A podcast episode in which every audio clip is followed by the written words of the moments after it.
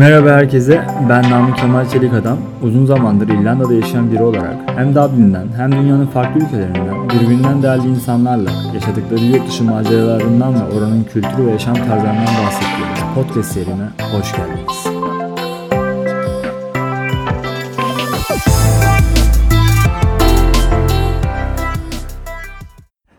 Dördüncü bölümde çok değerli bir insanla birlikteyim şu anda. İsmi Hande. 8 senedir İrlanda'da. İki çocuk annesi. Bugün yurt dışında anne olmak nasıl? İrlanda'da yaşamak nasıl? Uzun süre yaşamak nasıl? Bunları konuşacağız. Yani CV'si ve yaşam tarzı olarak entelektüel seviyesi yüksek bir kişi. Merhaba Hande, ne haber? Merhaba Kemal, iyiyim. Sen ne yapıyorsun? İyiyim ben de. Valla bugün harika bir gün yaşattı bana Hande. Ee, kahve falından tutun da ıslak keke kadar. Hatta şu anda ocağın üstünde yeşil fasulye var zeytinyağlı. Ben şu anda bayram ediyorum. Ve şu anda harika bir yerden yayın yapıyoruz. Dublin'e 35 dakika 40 dakika mesafede Rush diye bir yer. Çok tatlı. Böyle sanki burayı ben görünce şey zannettim. Neydi filmin adı? Tom Hanks'in Forrest Gump filmindeki bir mahalle gibi bir mahalledeyiz böyle. Karşıda tatlı tatlı evler. Önlerinde arabaları insanlar muhabbet ediyor. Evet. Kim bu Hande? Merhabalar, Ee, ben Hande. Ee, Evet, ben e, Ankara'da doğdum. Ee, Ankara'dan, yani Türkiye'den bayağı bir yıllar önce ayrıldım aslında. Önce işte bir süre bir Amerika te- tecrübem oldu. O staj mıydı o? Evet, bir staj olarak başladım orada. Bir, e, bir yıla yakın bir süre kaldım. Daha sonra işte Almanya'ya gittim. Orada kaldım. Aslında Almanya'ya böyle çok şey hissediyordum. Yani e, uygun hissediyordum kendimi. Ee, hala da e, hani hayat tarzım biraz böyle Alman ekolü olarak e, devam ediyor. İşte bir yaz Türkiye'ye gittim. Ee, ve orada işte İrlandalı eşimle tanıştım. Ve e, Türkiye'de tanıştınız. Evet, Türkiye'de Aa, tanıştık. Ee, çok enteresan bir şekilde. Ee, tabii şöyle ben İrlanda ile ilgili hiçbir şey bilmiyordum. Ee, ya İrlanda ile ilgili şu kadar bir şey biliyordum. İşte e, birkaç müzik grubunu biliyordum. Ee, bir siyah biralarının olduğunu biliyordum. İşte bir de IRA diye bir kurtuluş örgütleri olduğunu biliyordum. Ee, ve başkentlerinin Dublin olduğunu biliyordum. Yani bir İrlandalı'nın Türkiye hakkında ne biliyorsa sen de tam tersine İrlanda hakkında biliyordun. Bu kadar Evet, yani. bu kadar bir bilgim vardı. Ve şeydi hani e, eşimle tanıştığımda e, benim hani İngilizce e, iyiydi yani hani konuşabilecek durumdaydı, konuşabiliyordum. E, Fakat onun anlattığı çoğu şeyi anlamadım. Aksandan dolayı değil mi? evet, çok kuvvetli bir Dublin aksanı vardı ve hani çok e, anlamadım. Evet. Ben ha- bazen hala anlamıyorum bazılarını. İki üç kere tekrarlatıyorum. Evet, em, yani şeydi böyle e, mesela ilk e, İrlanda'ya geldim ve bir arkadaşı işte aradı. E, telefonu ben açtım ve şey demişti işte what is the story? Ben de böyle şey e, ne story'si? ne öyküsü? Çünkü Evet. bize böyle öğretmediler. Evet. How are you öğrettiler are bize you? sadece. E, bir öykü falan yok falan. E, ya da mesela şey diyorlardı you okay? Ya. Yani bir şey mi ters mi baktım? Evet iyiyim bir, bir durum yok. Aslında bunların hepsi hani how are you? Yani nasılsın? Mesela böyle. what's crack? Ben What's dedim crack, crack ne demek acaba? Yani ne olmuş kral falan diyordum. Evet, evet. Nasılsın Ee, demekmiş. e, buraları çok anlayamıyordum ve hani bir de şeyleri var. Ee, mesela espri anlayışları buranın, buraya özgü espri anlayışları. Ee, onlar da böyle bazen çok şey geliyordu. Ne demek istedi gibi. Ee, Bambaşka bir kültür ya. evet, Gerçekten. Evet. Yani ne Avrupa, Avrupa'nın biraz dışında. Ee, Bunu hani şundan dolayı e, şey yapabiliyorum. Hani Almanya'da bir geçmişim olduğu için. Hani biraz İngilizlere benziyor ama e, tam İngiliz de değil. E, Biraz Avrupalı, biraz İngiliz ve bir yani bir İrlandalı başka bir şey yani hani İrlandalı olmak. Belki biraz Amerikalı. İrlanda Avrupa'nın köyü diyorlar. Doğru mu sence? Bunu birkaç kişiden duydum. İrlanda Avrupa'nın köyü falan diye. Ben şey duymuştum Belçika, Avrupa'nın köyü diye duymuştum ama evet İrlanda yani mesela hani Avrupa'da şeyler vardır hani kuralların olduğu ülkelerdir böyle e, hani bir kural kuraldır. Yine Almanya için konuşuyorum mesela Almanya'da kural kural kuraldır yani hani. E, ama İrlanda'da e, bazı şeyler individual olabilir yani hani Esnek, kitapta yazsa da bir esneklik söz konusu evet. E, ve Aslında hala bu da şeyler... güzel hissettiriyor ya. Mesela ben Belarus'a gittim. Karşıdan karşıya geçeceğiz. Araba yok. Yani ışık da yok. Karşıdan karşıya geçeceğiz. Çok normal. Kız dedi hayır dedi buradan geçemeyiz dedi. Işığı dolandık 5 dakika. Yani Belarus mesela Ruslardan etkilenmiş bir ülke. Almanlara da yakın. Ama burada öyle bir şey yok. Kırmızı yansa bile geçiyorsun. Şey. Evet. İrlandalılar rahat bu konuda mesela. Bunun gibi. Sadece bir örnekti bu. Evet, İrlandalılar birçok konuda rahatlar. Yani mesela hala şeyler e, mektup üzerinden e, bir şey işte hani bir taahhüt etmek. İşte mesela annem için vize başvurusu yaparken ben e, hani elimde bir mektup yazıyorum. Ya da bir arkadaşımı davet etmiştim. İşte be- bende kalacak diye bir e, mektup yazdım ve iletişim bilgilerimi verdim. Mesela bir Almanya'da e, birine davetiye göndermek isterseniz işte bir belediyenin bir kurumuna gidilir. E, orada işte eğer sponsor da olacaksanız işte maddi şeylerinizi falan ibraz edersiniz ve oradan resmi bir kağıt verirler. Ama İrlanda'da bir mektup bu işi görüyor. Evet. Yani. Ben buna da çok şaşırmıştım mesela. Yani o kadar gelişmiş olmasına, teknoloji şirketlerinin başkentinin burada olmasına rağmen her şey posta yoluyla ilerliyor. Yani o kadar kağıt israfı, o kadar böyle posta. Bana hala böyle biraz farklı geliyor bu. Yani İrlanda aslında şey son bir yir- 20 yıldır gelişmeye başlamış. Yani bu herhalde işte vergideki bu esneklikten dolayı birçok büyük firmanın e, yatırım yapmayı tercih ettiği bir ülke olmuş ama yani yine de mesela İngiltere ile kıyaslandığında hemen hemen hani onların bir 50 yıl gerisinde Değil mi? O kadar var mı? Biraz hani- abarttık evet. biraz biraz geriden geliyor. Ee, Ya mesela şöyle söyleyeyim. Ben buraya 2012 yılında geldim. Ee, 2012 yılında e, böyle hali hazırda alıştığım bir kahve yani hani hem Amerika'da bulunmanın vermiş olduğu hem işte Almanya'da sürekli İtalyan restoranlarına gittiğim için hani böyle bir espresso mesela hani e, ve burada yoktu mesela hani şu e, kahve kültürü hani şu ülkede son belki bir 5 yılda 4 yılda gelişmiş bir şey. E, ya da işte e, bir mahallede e, Hint şey e, fast food restoranının olması. Bu da acaba burada yaşayan işte öğrenciler, turistler, giden gelenin sirkülasyonu yüksek olmasından mı kaynaklı acaba? Evet, galiba e, İrlanda e, bu e, çok e, özellikle hani Dublin için e, çok çok uluslu bir şehir haline dönüşmeye başladı. Çok fazla göç var. E, o yüzden biraz şehrin de şeyi değişiyor. E, ama mesela yine de hala haberlerde e, bir şeyden bahseder, bahsederlerken e, hani İrlandalılar diye hani sanki o kesimi hiç görmüyorlar. E, mesela işte bu korona dönemlerinde Hı hı. e, o kısıtlamalardan bahsedilirken işte seyahat hani hep İrlandalılar ama mesela İrlanda oturumu olanlar demeleri gerekir Hmm, aslında. Hani doğru. İrlanda'da ikamet edenler. E, hani yine de o o kadar göçmeni bir yok sayma durumları mevcut yani. Ama İrlanda bu konuda beni şaşırttı gerçekten. Hani bu Covid zamanında herkese destek olması beni böyle bir kendine daha çok sevdirdi yani. Bunu bir önceki podcastlerde de söyledim. Yani sence nasıl bu durum? İnsanları yani Covid zamanı nasıl geçiyor? Günün nasıl geçiyor? Devletle e, halkın uyumu nasıl şu anda sence? Yani bütün dünyada e, devlet ne kadar iyi bir şeyler de yapsa halkların gözünde herkesi e, memnun edemez.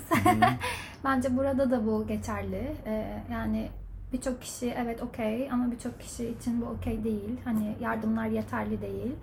E, ya ben şöyle diyebilirim. E, evet İrlanda hani e, mesela Türkiye ile kıyasladığımızda daha bir sosyal hukuk devleti olduğu için daha çok haklar var. İşte iş yerlerini kapatan vatandaşlara bir destek var. işini kaybedenler için destek var. E, evinde çalışmak zorunda kalan olan insanlar için mesela bir vergi indirimi var.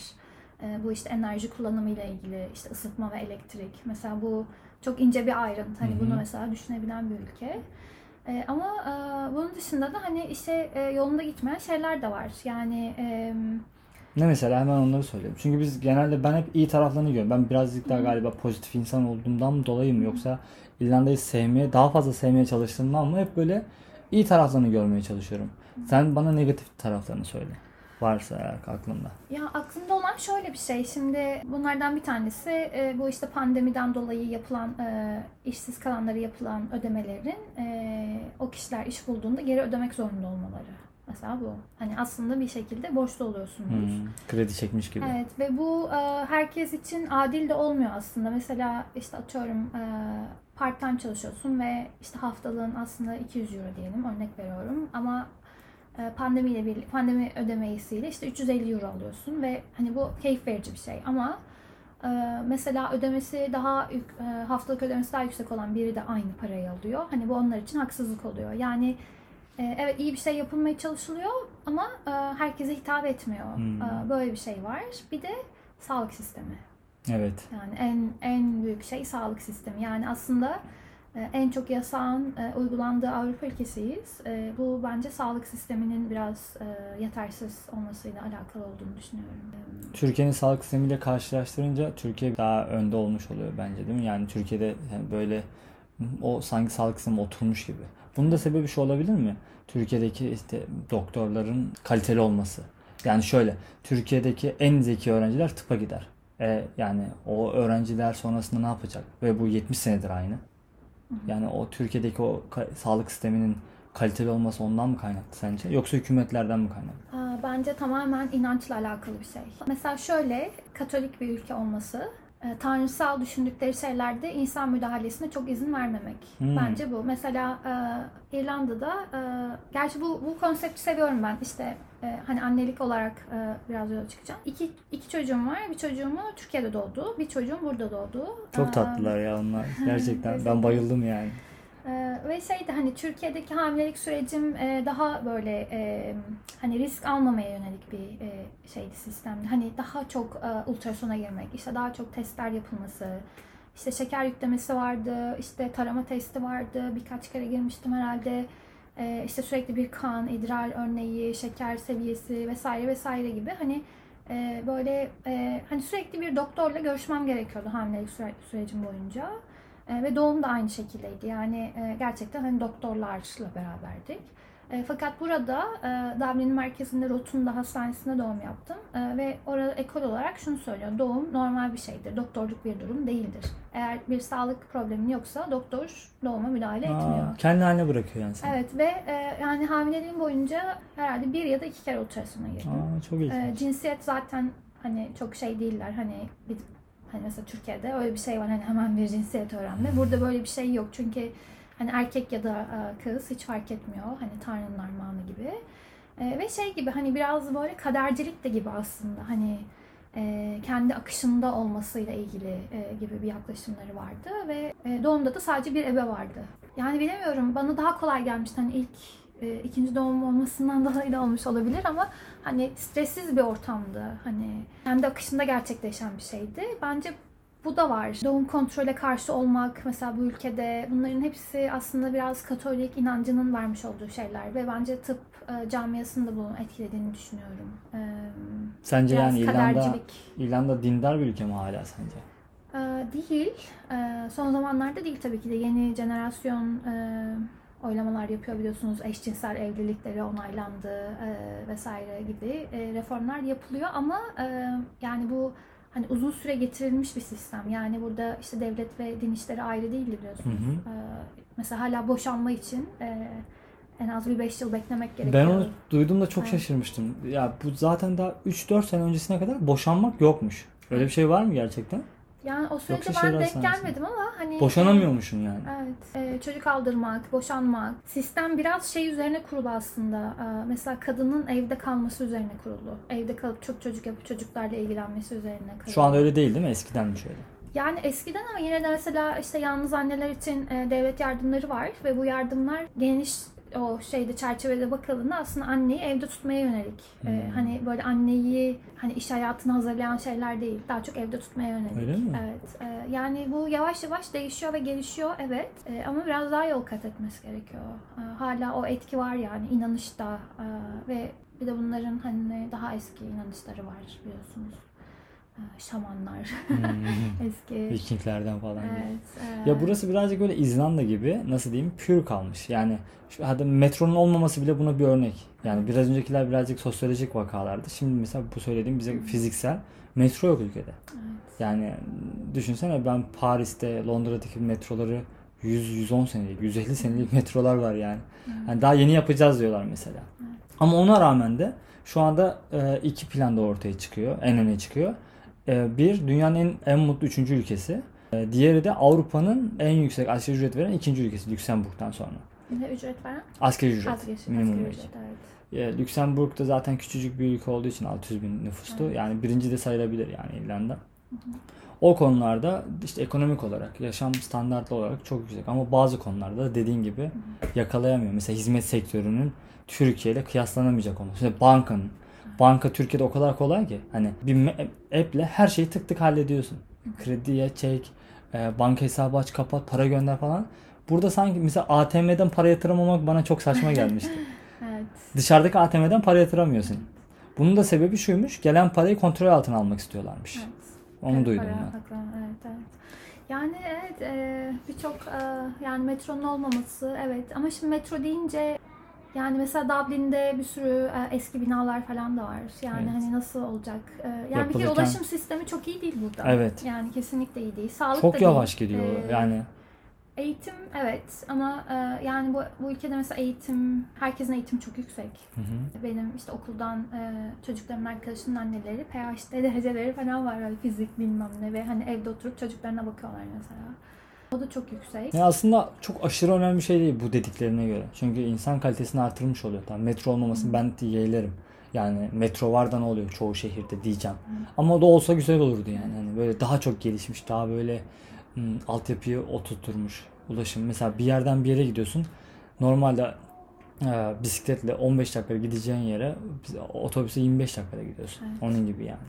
Ee, bir sıkışıklık oluyor. Mesela bisiklet için de aynı şey yok. Yani evet bisiklet yollarımız var ama yine de bir Almanya ya da bir Hollanda gibi Evet, değiliz o yani. standardı Evet. yakalayamadı hala yani. O- Çok oralar yani bildiğin trafik oluyor Evet. ya bisiklet Ve çok trafiği. büyük bir kavga yani araç kullananlar ve bisikletliler Dublin'de. Ben şuna da çok şaşırıyorum. Mesela sen Amerika'da bulunmuşsun, yaşamışsın, Almanya'da yaşamışsın, burada yaşamışsın, belki İngiltere'ye gitmişsindir. Yani buralarda bisiklet hırsızlığı oluyor. Ben buna çok şaşırmıştım. Yani normalde paraları olan insanlar bunlar yani genelde. Yani yaşam standartları yüksek.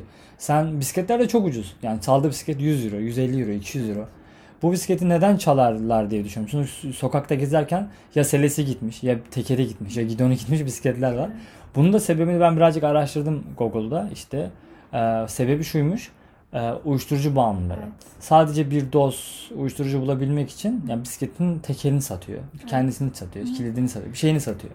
Ya Sebebi bu buymuş. uyuşturucu kısmında ben de şöyle bir şey okumuştum. Ee, ya tabii bu ülkede e, alkol hani alkolizm böyle had safhada aslında yani hani mesela benim bu yaşadığım bu mini mini tatlı köyde bile 1, 2, 3, 4 yani 5 tane ya da 6 tane Irish pub var. Aa değil mi? Küçücük bir Evet, yer küçücük normalde. bir yer ve e, şey Kayseri'de pub yok. evet, bir evet. tane Harman Pub diye bir yer var. Orada ben hiç Ve gideni burası şey gibi yani hani e, bir üç tanesi bunların sadece hani alkol hani yemek servisi yok. Hani diğerlerine hani burada bir kültür de var. İşte mesela cenazeniz olur sonra gider işte Irish pub'da buluşursunuz. Yemek yenir. Bütün aile içilir. E, hani çocuklarla gidip yemek de yiyebilirsiniz.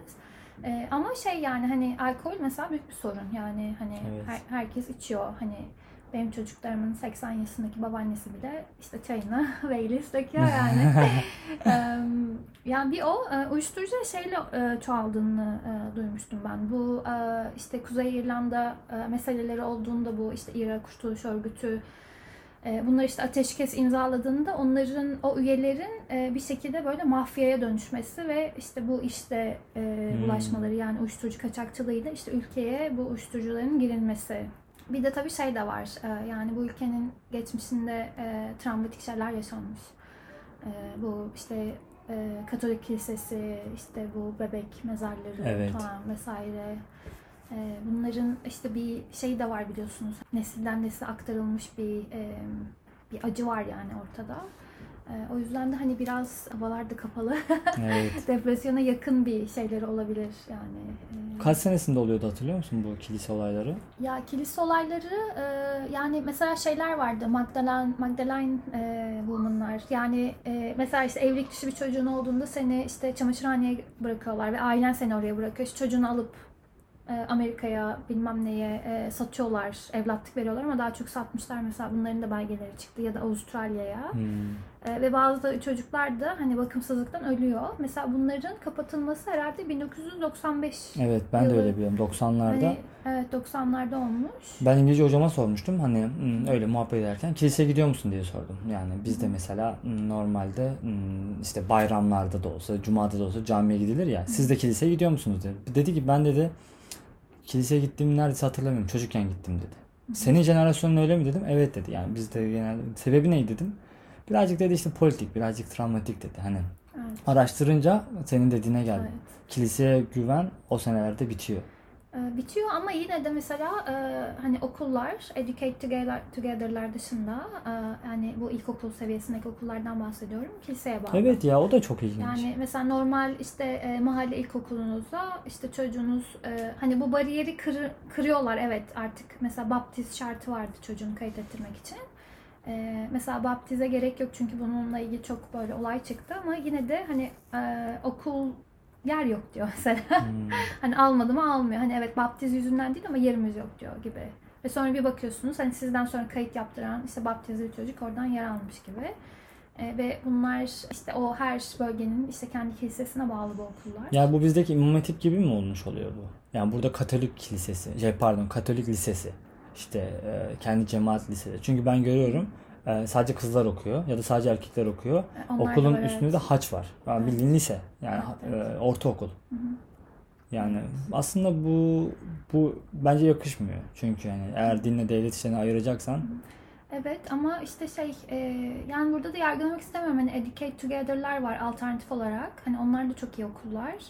E, ama bazıları çok böyle karmaşık olabiliyor yani. Hani e, çok uluslu ve e, mesela hani bir sürü ailenin çocuğu var ve yani şöyle düşünün işte bir 30 kişi bir sınıfta ve e, o 30 kişilik sınıfta işte e, Pakistanlı, Polonyalı, işte Türk vesaire bir sürü çocuk var ve çocuk bir, bir sürü çocuğun işte dil seviyesi yok ama bazıları hani İngilizceyi daha iyi biliyor. Yani e, hani o o eşitliği o sınıfta sağlayabilmek için hani e, daha değişik bir programlarının olması gerekiyor. Hı hı. Bilmiyorum anlatabiliyor muyum? Bazıları çok bana karışık geliyor. Ee, öbür ama Katolik okulların eğitimi genel olarak iyidir. Mesela İngiltere'de de duyduğum kadarıyla mesela e, Katolik okullarını tercih ederler. Çünkü eğitim olarak daha iyi olduğunu düşünürler. Ee, ve orada şey hissediliyor evet e, yani e, din eğitimi var. evet. Ama şöyle bir şey de var. Mesela çocuğun Katolik okuluna gidebilir ve din eğitimi almak zorunda değil. Hani bu da artık e, yerleşmeye başladı yani. Hani- seçmeli gibi. Yani din eğitimi yerine işte e, eğer hani okul iyi bir okulsa ona ekstra bir Lego e, saati ayarlayabilir ama bazı okullarda da din dersi almaz ama çocuğa e- ekstra bir şey vermedikleri için o çocuk orada bir köşede tek başına takılır, resim Hmm. yapar, bir şey yapar. Hani yavaş yavaş bunlar değişiyor ama biraz süreç alacağı benziyor. Peki seninkilerle nasıl gidiyor? Şimdi konu, m, video şey video diyecektim. YouTube'a gitti aklım. Podcast'in ismine gelecek olursak yurt dışında anne olmak, İrlanda'da anne olmak nasıl?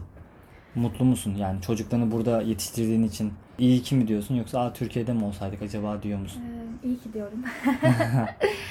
ya şöyle e, mesela burada e, çocuk 7 aylık olana kadar Türkiye'de yaşamıştık. E, sonra işte biz önce Kıbrıs'a gittik. Bir süre sonra buraya geldik. Mesela burada ikinci çocuğum doğduğunda işte aşı yaptırmaya götürüyorum. Ya da ilk çocuğum da bazı aşıları burada oldu. E, yani hemşirenin böyle alıp bak şimdi bu biraz canını acıtacak tamam mı deyip böyle hani o şefkatle hani o işi yapması işte yol boyunca hani mesafeli bir şekilde yani çocukların hakkının korunması, hani onlara olan davranış, ee, hani genel olarak böyle çok şey hani olumlu. Burada mesela yaramaz çocuk yok. Yaramaz çocuğa inanmıyorlar çünkü.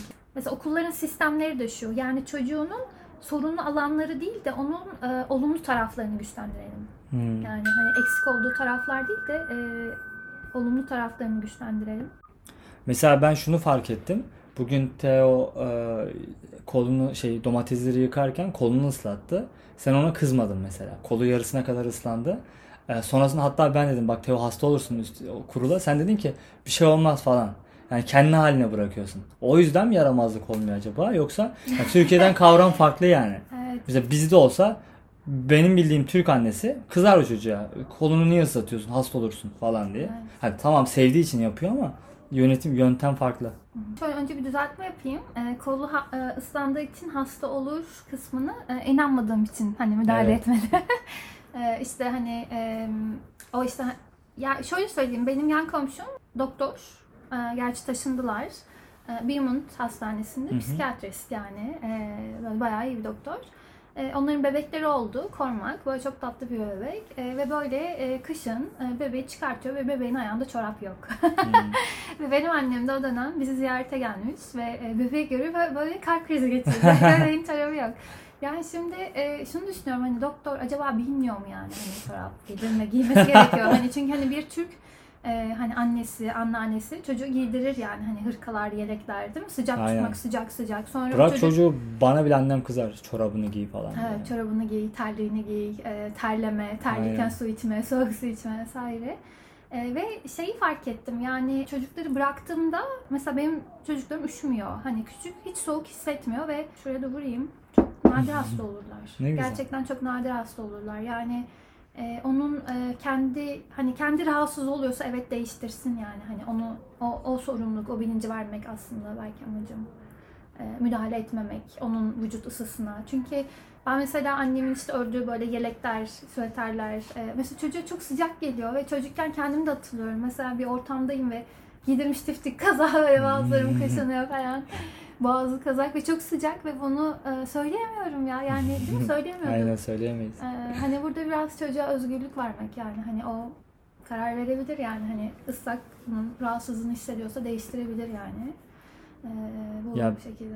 Sence m, burada okumaları, burada eğitim almaları seni mutlu ediyor mu? Yani düşün, düşününce şu anda onlar çok şanslılar. Neden dersen hem ana dilleri İngilizce, hem ana dilleri Türkçe, hem yabancı bir pasaportları var, hem de her şeye hakimler şu anda yani. Gelecekleri parlak gözüküyor. Aynı şeyler mesela başka ülkede ya da Türkiye'de olsa sence olabilir miydi bu? Kaygılanır mıydın geleceklerinden ya da şu anda kaygılı mısın? Ben bana bunu sor. Ya Türkiye'de olsaydım belki evet kaygılanırdım. Ee, fakat e, şöyle şeyler de biliyorum ben. Ee, mesela işte Anadolu'da ben işte Güzel Sanatlar Fakültesine gittim. Ee, mesela orada e, üniversitede işte hocalarımın anlattığı bazı şeyler var. Biz işte özel yetenek sınavıyla giriyoruz, çizim yapıyoruz. Ee, mesela işte hani Anadolu, e, mesela Kars'ta Anadolu işte mesela diyelim Kars'ta işte büyümüş bir çocuk, çocukluğunu çobanlık yaparak geçiren, hani köy köyde büyümüş bir çocuk. E, ve o sakinlikte o işte doğayla bütünleşmiş halinde e, mesela hiç resim eğitimi almadan bir resim yapıyor ve hiçbir teknik bilgisi yok yani kompozisyon, oran orantı ama mükemmel bir resim yapıyor ve o çocuğa işte hani bir burs verip okula alıyorlar. Çünkü onun imkanı olmadığı için hani bizde böyle bir şeyler oluyor fakat e, tabii şehirlerde bence durum biraz farklı. Yani e, herkes hani en iyi okulu bulmak gerekiyor. İşte özel okullar çok şey, devlet okuluna artık güvenilmiyor bildiğim kadarıyla. E, yani çocuklar böyle biraz yarışma hali gibi geliyor ve benim bulunduğum bölgede böyle bir şey tanık olmadım. Yani Ya İrlanda'da bir aile böyle bir yarışa girmiyor. Eşitsizlik de yok galiba. Şöyle düşünelim. Mesela Türkiye'de normal bir memur çocuğunu ya da işçi çocuğunu düşünelim. Bir de bir şirket sahibinin çocuğunu düşünelim. Biri TED Koleji'ne gidiyor. Biri normal devlet lisesine gidiyor. Ve bu iki çocuk aynı sınava giriyor. Aynı üniversitelere gitmeye çalışıyor. Evet. Yani bu şey yani Ferrari ile Doblo'yu aynı yarışa sokmak gibi bir şey Evet. olmuş oluyor. Maalesef o eşitsizlik. Ve çocuk Doblo'dan Ferrari kadar hızlı gitmesini istiyorsun. Evet. Çok. Burada özel okul diye bir şey var mı? Ben hani çok görmedim. O yüzden Burada özel soruyorum. okul var. Yani var. tutuluyor mu mesela Türkiye'de büyük nasıl diyeyim zenginler ona gider ya burada da öyle bir şey var mı? Yani e, benim bulunduğum bölgede çok zengin insanlar var.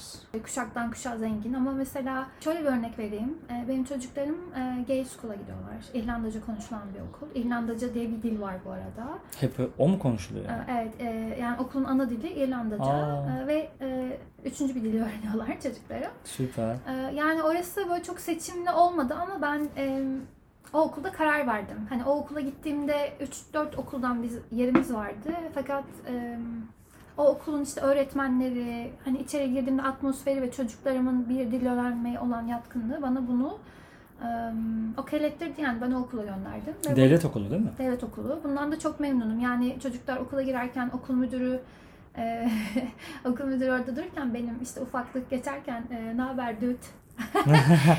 Ben bizim gençlik?" müdüre söylesem beni Evet. kovalar var. Ve orada şey de var hani ince bir ayar da var. Yani hani e, okulun kurallarına uymadıklarında işte e, master team'le başları belaya girebilecek biliyorlar. Yani Hmm. hani onunla bir konuşma yapmaları gerektiğini biliyorlar. Hani o bir şey var hani onun kim olduğunu biliyorlar ama hani bunu bir, bir şekilde de bir ilişkileri de var. Yani o korkulacak bir figür de değil yani. Hmm. Hani bu iyi ve öğretmenlerin tavrı da çok iyi. E, bu konuda da iyi hissediyorum. Güzel ya. Yani ben böyle benim çok hoşuma gitti. Hani yaşam tarzları böyle tatlılıkları. Hmm, iş- güz- gü- yani gözlerin içi gülüyor böyle. Parlıyor yani. Gelecekleri çok parlak görünüyor. İnşallah Allah uzun ömürler versin. Peki burada hiç ırkçılık yaşadın mı? 8 sene buradasın. Hiç Aa, gördün mü ırkçılık? Yani bir Türk olarak ırkçılık yaşamadım. Yani Türkleri çok seviyorlar. Ee, Türk Türk Türkiye'den geldim denince hemen Kuşadası. Kuşadası. Çok seviyorlar bizim oranın o şeylerini. Antalya ve işte e, Türk insanlarını çok seviyorum. Hatta şöyle söyleyeyim ben e, biriyle tanıştım. Bodrum'da zamanında otel açmış. Bir İrlandalı oteli varmış falan böyle. Hmm. E, ve şey e, Yunanistan'a tekne turu yapıyormuş. Giderken de Türkiye'den e, Yunanlı işte sahil korumalara baklava getiriyormuş. Ne güzel. Bizim baklavalarımızı. Ee, Böyle bir hikaye duymuştum. Çok güzel. Ee, Yani Türkiye'yi seviyorlar ama e, galiba aynı şey mesela bir Nijeryalı olsaydım geçerli değildi. Ya da Hmm. işte e, son zamanlarda işte Brezilyalılarla ilgili çok şey duyuyorum. Ya da E, yine işte Doğu bloku, e, Avrupa ülkelerinden gelenlerle. E, ama e, bizim bir de şey var biliyorsunuz tarihte böyle bir e, hikayemiz de var. Yardım muhabbeti, muhabbeti de var. 1872. Evet. İkinci Abdülhamit e, gemilerle buğday ve arpa gönderiyor buraya. Evet, e, öyle bir muhabbet var. Hatta Drogheda'nın e, kardeş futbol takımı Trabzonspor. Aynı Ve- renkler. Ambleminde de Türk bayrağı var. Evet. Yani Google'dan bakabilirsiniz. Drogheda FC Phase C yazarsanız futbol club e, orada Türk bayrağını ve Trabzonspor'un renklerini göreceksiniz. Ben de şunu yaptım. Drogheda'ya gittiğimde birkaç kere gittim öyle gezmeye. Orada Main Street'te kilisenin tam sağ çaprazında bir barın üstünde nasıl diyeyim bir pencere kadar bir tabela var. Tabelada Türk insanına teşekkür ederiz. Yaptığınız yardımları asla unutmayacağız diye bir yazı yazıyor orada. Bu beni çok gururlandırmıştı yani. Evet. Küçücük bir tabela da olsa benden 150 sene önce yapılan yardım için bana teşekkür edilmesi bana güzel hissettirmişti yani. Evet, e, yani ben de ilk yaşadığım yer İrlanda'ya geldiğimde Drogheda'ydı ve Aa. bana şey demişlerdi. e, sana bir yemek borçluyuz. Böyle iyi gelmişti. Yaptılar mı yemek? E, yapmadılar. Evet İrlandalıların böyle bir tarafı da var. Yani mesela markette karşılaşırız. E, ya işte buluşmalıyız şu bu falan ama buluşma hiçbir zaman olmaz. ya yurt dışına taşınmak, göç etmek sence bir cesaret işi mi? İlk günlerini hatırlıyor musun yani? İlk karar verdiğinde. Ya evet yani aslında şöyle ben şimdi bugün baktığımda nasıl bu kararı verdim bilmiyorum. Ee, belki biraz kişiliğimle alakalı olabilir. Ben e, Sen deli dolu birisin ya deli bence. doluydum evet. Ben yani hiç Amerika, düşünmedim Almanya yani, Evet. yaptığın etkinlikler, Evet. okuduğun bölüm. Bir başka bir podcastta Amerika maceralarım anlatıyor. O da eğlenceli yani. Ne Hani güzel olur. Kezban gibi gittim oraya ve e, hiç yani gözüm karartıp. E, yani benim için şey olmadı ama e, yani şey mesela çok farklılıklar yaşadım. İşte e, atıyorum işte Almanya'ya ilk gittiğimde okula gitmiştim ve hani bizde şey vardı böyle e, işte üniversitede profesörün kapısını çalarsın böyle bir Ben korkardım ya gidemezdim. Bak şimdi buradan söyleyeyim Pamukkale Üniversitesi'nde Nigar vardı. Nigar Hoca. İsmini de vereyim. Ya insanlar kapısını tıklatmaya korkardı. Ya sen kimsin Allah aşkına? Sen hocasın. Oradaki bir memursun. Evet. Yani böyle olmaması lazım. Yani ben o kadını ya insanlar terslerdi böyle. Evet. Neden? Yani Almanya'da girmiştim okula. Hoca orada duruyor ve e, baktım öğrenciler e, masada oturmuş elma yiyor böyle. ve böyle arkadaş gibi muhabbet ediyorlar ve ben böyle hani o mesela o şeyi kırana kadar o çekingenliği, o korkuyu kırmak mesela o bayağı bir zaman almıştı yani. E, biraz böyle bir adaptasyon süreci oluyor. Yani cesaret işi değil mi? Diyebilir miyiz buna? Cesaret Ee, gerekli. Yani ya sadece evet. para sadece bize yetmiyor yani bu cesaret. Hayır. e, çünkü şöyle bir şey hani bütün anılarınızı, arkadaşlarınızı, e, hatta e, çoğu zaman eşyalarınızı yani ben mesela hala bütün eşyalarım Türkiye'dedir. Ço- birçoğu da Almanya'dadır. Bir bavulla gelebildim yani. Hani öyle bir eşya taşımadım açıkçası. Hani geçmişte bırakıp her şey tekrar başlamak, yeni bir yerde, yeni bir kültürle. Evet bu bir cesaret işi. Bu bir cesaret işi.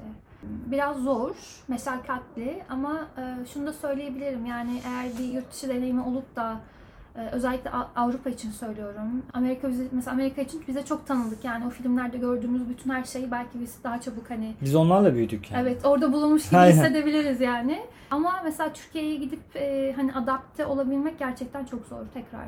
E, Evet. Bir hafta sonra artık hani bazı şeyler rahatsız etmeye başlıyor. Ne mesela? Yani o insanların güler yüzlü olmaması mı? Mesela otobüsten inerken teşekkür etmek. Bana çok garip gelmişti. Ben niye teşekkür ediyorum falan. İnsanlar niye teşekkür ediyor falan demiştim. Sonra ben de etmeye başladım. Evet. Mesela birine ben çarptığımda onlar bana çarptığında ben de diyorum artık. Alışıyorsun. Mesela ben Türkiye'de yani onu, onu onun içindeyken onun gibi olman lazım. Yani keşke olmasak. Keşke kelebek etkisi olsa ama trafikte mesela o hmm, nasıl diyeyim bu güzel bir tabir değil. O çakallığı yapmazsa gidemiyorsun gideceğin yere. Ama burada ben onu yapamıyorum. Yaptırmıyorlar. Yaptırmıyorlar derken utanıyorum. Evet. Yani önüne geçemiyorum adamın. Bunun gibi mi? Yani şunu soruyorum. Türkiye'ye gitsen neler çok farklı gelir sana? Haftaya taşınıyorsun. Bir kere işte kaldırımlar, sokaklar, mesela annelikten bahsediyoruz. Ee, işte bebek arabasıyla mesela Ankara ve İstanbul'da yürüyün bakalım. mesela çok zorlanmıştım. Ee, o yüzden e, büyük tekerlekli bir bebek arabası almak durumunda kalmış. Aa, hiç- hiç hani biz bebek jipi gibi yani. Aynen. Ee, bayağı bir zordu. Ee, onun dışında şey var tabii. Mesela bazı kişileri sinirlendirebilir ama işte otobüste ve e, metrolarda duyduğumuz ter kokuları. Evet. Evet Bunlar. evet. Sonra e, yani bir agresiflik yani hani E, mesela burada ben e, iki çocuk, hani ikinci çocuk olunca ikisinin de arasında çok bir yaş farkı olmadığı için birini böyle bebek taşıyıcısı sling diye geçer. E, kanguru diye mi Evet. geçiyor? E, onunla taşıyordum ve e, Türkiye'de mesela sürekli beni durdurup müdahale ediyorlardı. Neden? Sürekli. İşte bunu taşıma çok sıcak.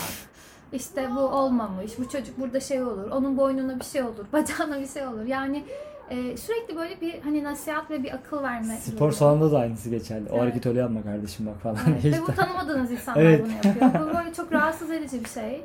Ee, sonra mesela çocuğunuzun hani bir anda böyle nasıl diyeyim yoğrulması yani hani tanımadığınız bir tarafından böyle yanaklarının böyle sıkıştırılması vesairesi. Ee, böyle yani hem iyi hem bilmiyorum yani Ben bunu yaşadım. Ben 2017'de Letirken'de yaşarken bir etkinlik olmuştu. Çocuk etkinliği yani. Aa ortada o kadar güzel çocuklar var ki telepati gibi böyle. Aa yani yanaklarını sıkı sıkı öyle ısıra ısıra öldürürsün. O kadar güzel çocuklar. Ben bir keresinde geldim yanıma geldi böyle. Ben de böyle kafasını mı sevdim sarıldım mı ne? Benim mentörüm geldi uzaktan dedi. Kemal dedi burada dedi e, çocuklara o kadar yaklaşma dedi yani. Hani sarılma dedi tanımadığın çocuklara dedi. Aa dedim neden? Hani bizde böyle değil falan. Ben daha yeni biliyor, bilmiyorum. Dedi uyardı beni. İşte sonradan anladım ben. Bunlar da farklıymış. Aa dedim yani. Ya en basitinden şey de var. Ee, mesela işte otobüste ya da uçakta çocuğunuz ağladığında buna tepki gösterenler. Değil mi? mesela evet e, bu mesela buradan e, işte Ankara her zaman İstanbul aktarmalı. Direkt uçuş yok. E, her zaman İstanbul'dan aktarma yapmamız gerekiyor. Dublin'den İstanbul'a sorun yok. Kimse bana sorun etmiyor. Fakat e, İstanbul'dan Ankara'ya gittiğinizde hani mesela bebek ağlıyor ve mesela annenin sürekli yargılanma durumu. Hani bebeği susturmadığı için.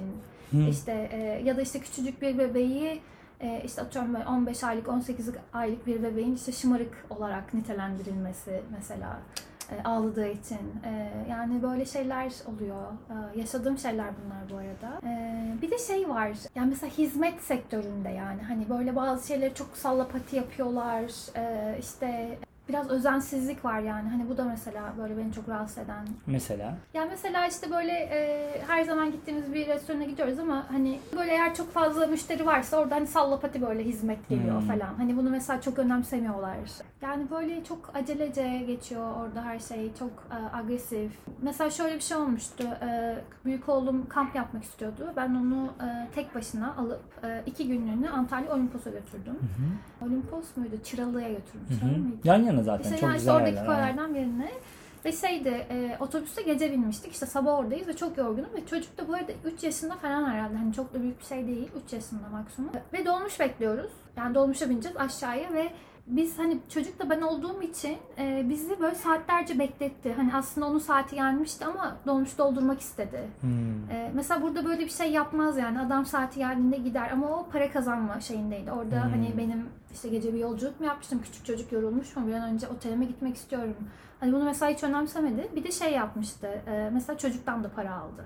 Hmm. Yani hani mesela böyle bir şey. Hani e, bazı şeylerde biraz uyanıkça davranılabiliyor, davranabiliyorlar. Bizim ülkede o var. Aynen. Evet, bu biraz e, insanın canını sıkıyor yani kullanılmış ve salak yerine kullanıldığını düşünüyorsun.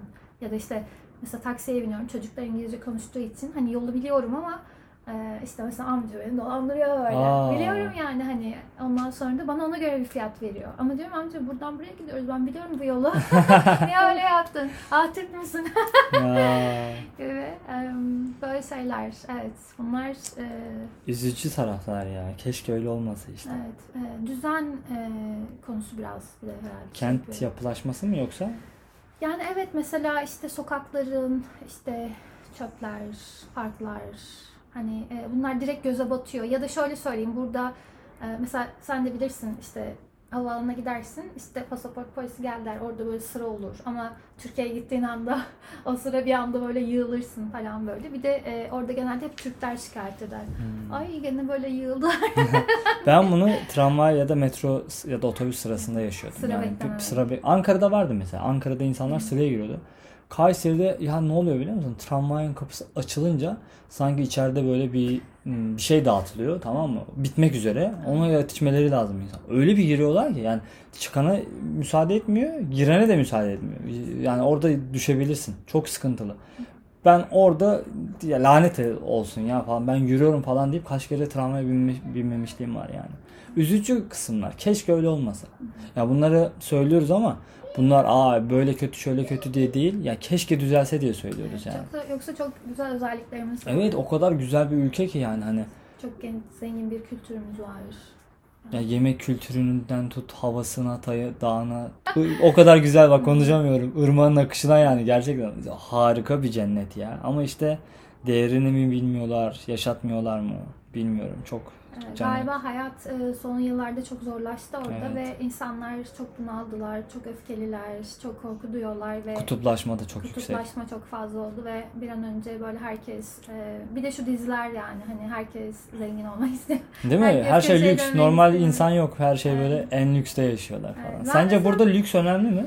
Ya işte ona da değinmek istiyorum. Ben mesela Türkiye'ye gittiğimde kendimi çok yoksul hissediyorum böyle. Aa bir de Hani- euro euro var yani Evet, senin. yani hani mesela evime falan bakıp hani mesela Türkiye'ye gidiyorum işte böyle halılar, işte porselen takımları, perdeler her şey.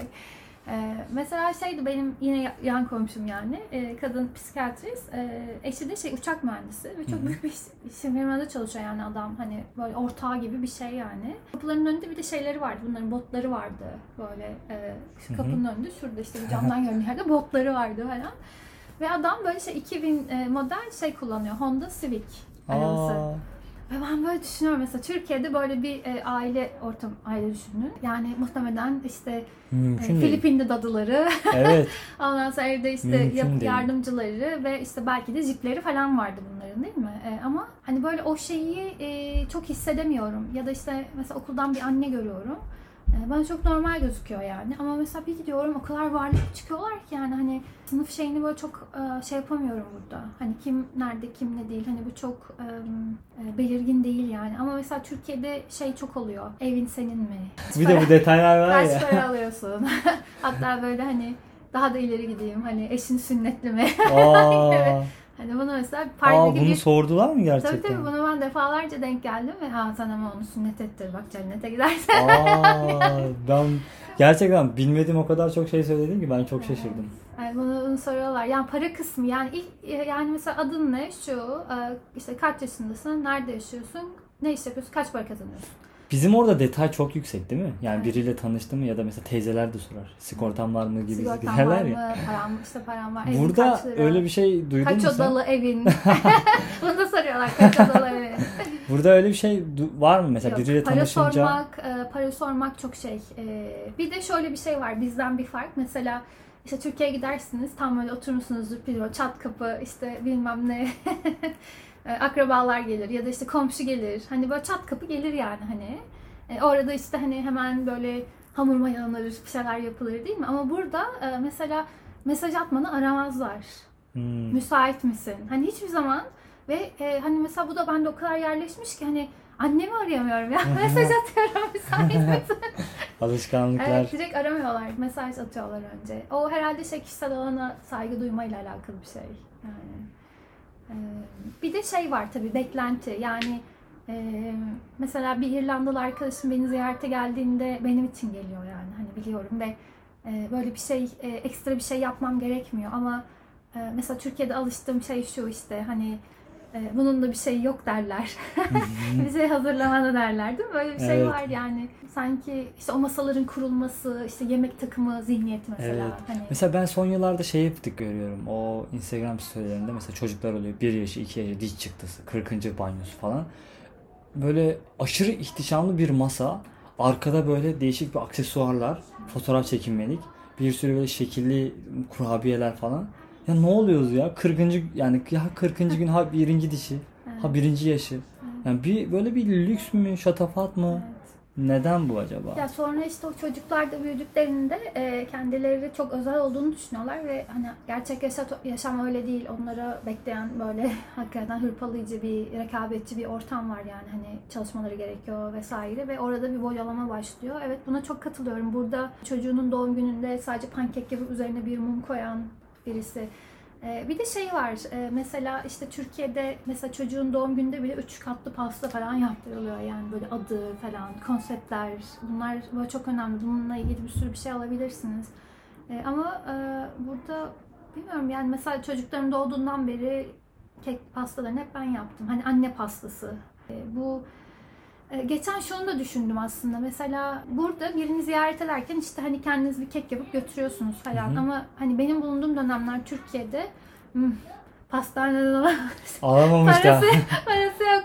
Hani Ama böyle- diğeri ne kadar değerli aslında. Evet, Zamanını el- ayırıyorsun. evet, elde yapılmış şey değer vermeme durumu vardı. Ben böyle bir şey hatırlıyorum. Tabii bu son yıllarda değişmiş olabilir ama e, benim dönemimde öyle bir şey vardı. Hani şunu gidelim Liva Pastanesi'nden alalım ki hani bunun bir ismi olsun. Evde ben size kek yaptım. Parası yok. yani bilmiyorum böyle bir algı vardı bir dönem. Ama eminim Türkiye'de değişiyordur son zamanlarda. İnşallah değişir ya. Sosyal Çünkü orası yani bizim vatanımız yani. El- Elbet bir gün ya döneceğiz ya çocuklarımız da oynayacak. Yani bir şeyler olacak. En azından gidip geleceğiz. Yani oradaki insanların, annemizin, babamızın, arkadaşlarımızın iyi olmasını tabii ki de isteriz yani. Yani bu şey değil. Aa biz geldik buraya kurtardık paçayı gibi bir şey değil. Evet. Hep birlikte iyi olmamız lazım bizim. Yani. Yani tabii buranın da hani böyle çok güllük gülistanlık değil yani buraya gelip acı vatan İrlanda diyen insanları da duydum yani de. Ee, mesela güneş yok.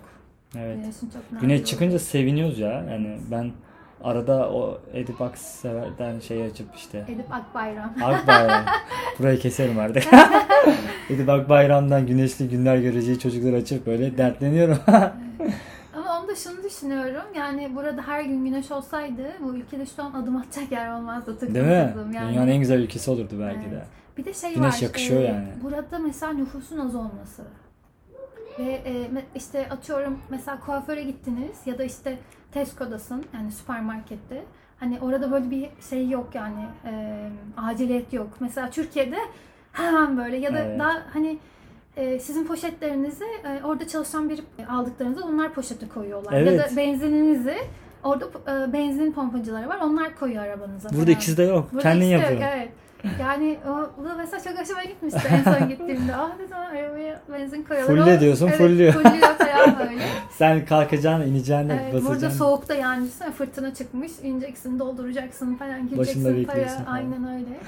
Ee, şey çok yavaş yani e, şöyle bir örnek de vereyim. Ee, çok konuşmuş da olabilirim. Yok yok çok güzel gidiyor. Ee, şimdi bir kuaföre gittim burada e, Hı hı. lokal. E, işte ne kadar atıyorum işte 50 lira dedi. Tamam işte 50 euro.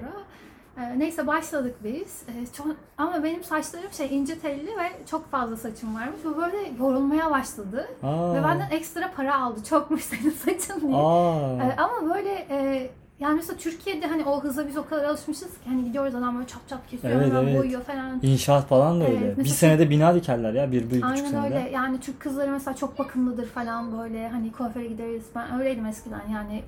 Günlük fön çektirirdim saçıma. ya da bir şekil at abi buna falan diye gitmişliğim vardır. Manikür, pedikür.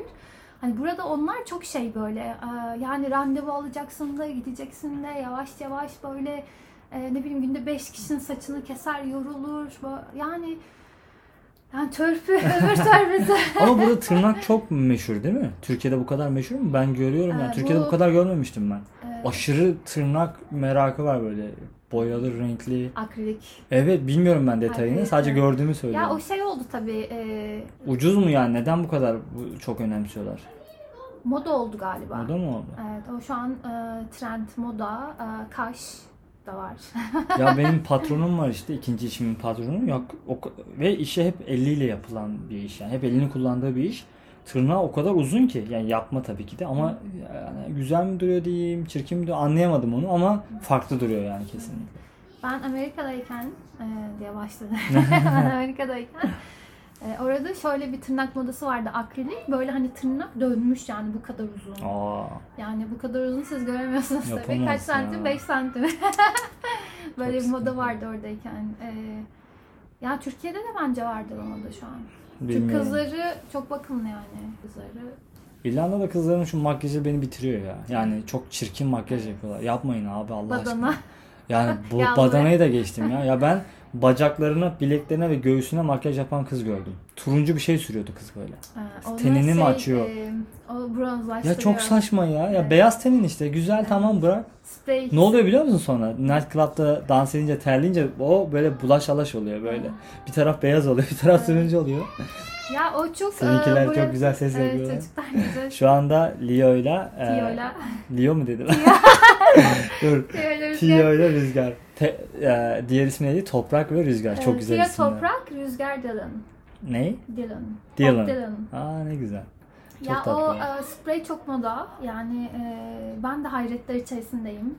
E, onu böyle spreyle yapıyorlar. Evet. Yani e, diye böyle Evet. bronzlaştırıcı bir boya sürüyorlar. İkincisi de o tür e, İrlanda erkeklerinin genelinin pijamayla dışarı çıkması. Yani eşofmanla. WhatsApp Ya yapma ya. abi Allah aşkına ya. Gerçekten çıldıracağım. Ya eşofmanla çıkma dışarı. Abi bakkala ekmek almaya gidersin.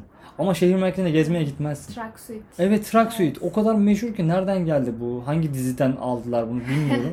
Ya gri eşofmanının poposuna çeken dışarı çıkıyor. Ya Evet. yapma. Bir bunları İtalya Ve falan göndermek lazım. çok temiz olması gerekiyor. Evet. Evet. Bunu ben şeyde anladım.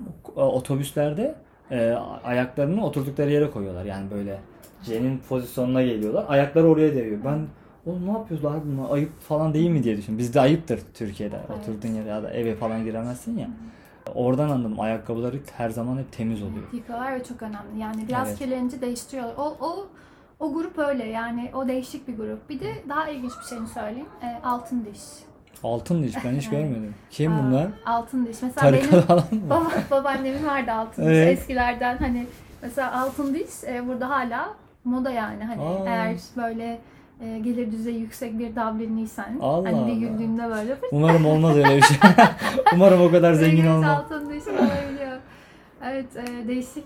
Hande harika bir sohbet oldu ya. Toparlayacak olursak e, Türkiye'de neleri özlüyorsun ve dönmeyi düşünür müsün? Ya Türkiye'de özlediğim şeyleri son yıllarda gittiğimde bulamadım. Doğruya doğru. Ee, Birçok şey çok değişmiş yani. E, yeme içme bile çok değişmiş. E, onu söyleyebilirim. Yani kalite olarak biraz düşmüş. Burayı biraz kaliteli buluyorum. Hani oraya göre. Yani evet bu acı ama o gerçek. Hani benim düşüncem bu şekilde. E, ama neyi özlüyorum? O aileyi özlüyorum. E, orada bir geçmişim var, anılarım var. Bunları özlüyorum. E, ama maalesef o geçmişe ait değerlerimin çoğu yok yani. O gittiğim işte sinema salonu kapanmış bilmem ne. Yani hani birçok yer artık değişmiş yani oralarda da. E, o yüzden oraya gittiğimde genelde yabancı gibi hissediyorum. Doğrusu bu.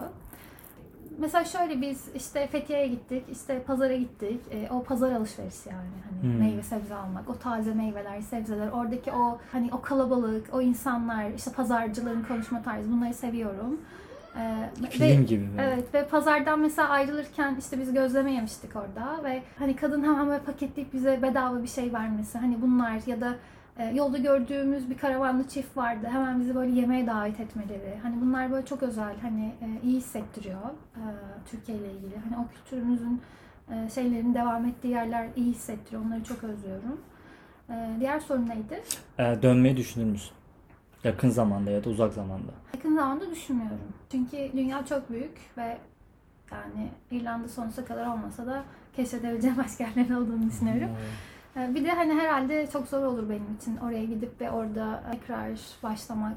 Ee, Çünkü artık yani oralı gibi de tam hissetmiyorum. Son birkaç yıldır aslında daha çok buralı gibi hissediyorum. Yani ülkeye geldiğimde işte daha önce dedim ya işte pasaport polisi evine hoş geldin diye kaşa vurmuştu mesela. Hani Hmm. böyle o eve hissetme, evde hissetme hali hani bu oldu. Yani şu an için dönmeyi düşünmüyorum ama ileride tabii şöyle planlarım var. Yani işte Ege'de bir e, bahçe alıp Herkesin hayali. Domatesim, zeytin ağaçlarım, incir ağaçları. Mesela incir, taze incir özlüyorum Evet. yani.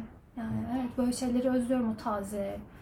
Ee, çay içmeyi, işte mesela İstanbul'da Kadıköy'de ne bileyim çay içmeyi, o ne bileyim kapalı çarşı, Eminönü'nün pazarları falan. Ya umarım şu korona birazcık bizi Evet. salar da bir gider geliriz böyle sık sık.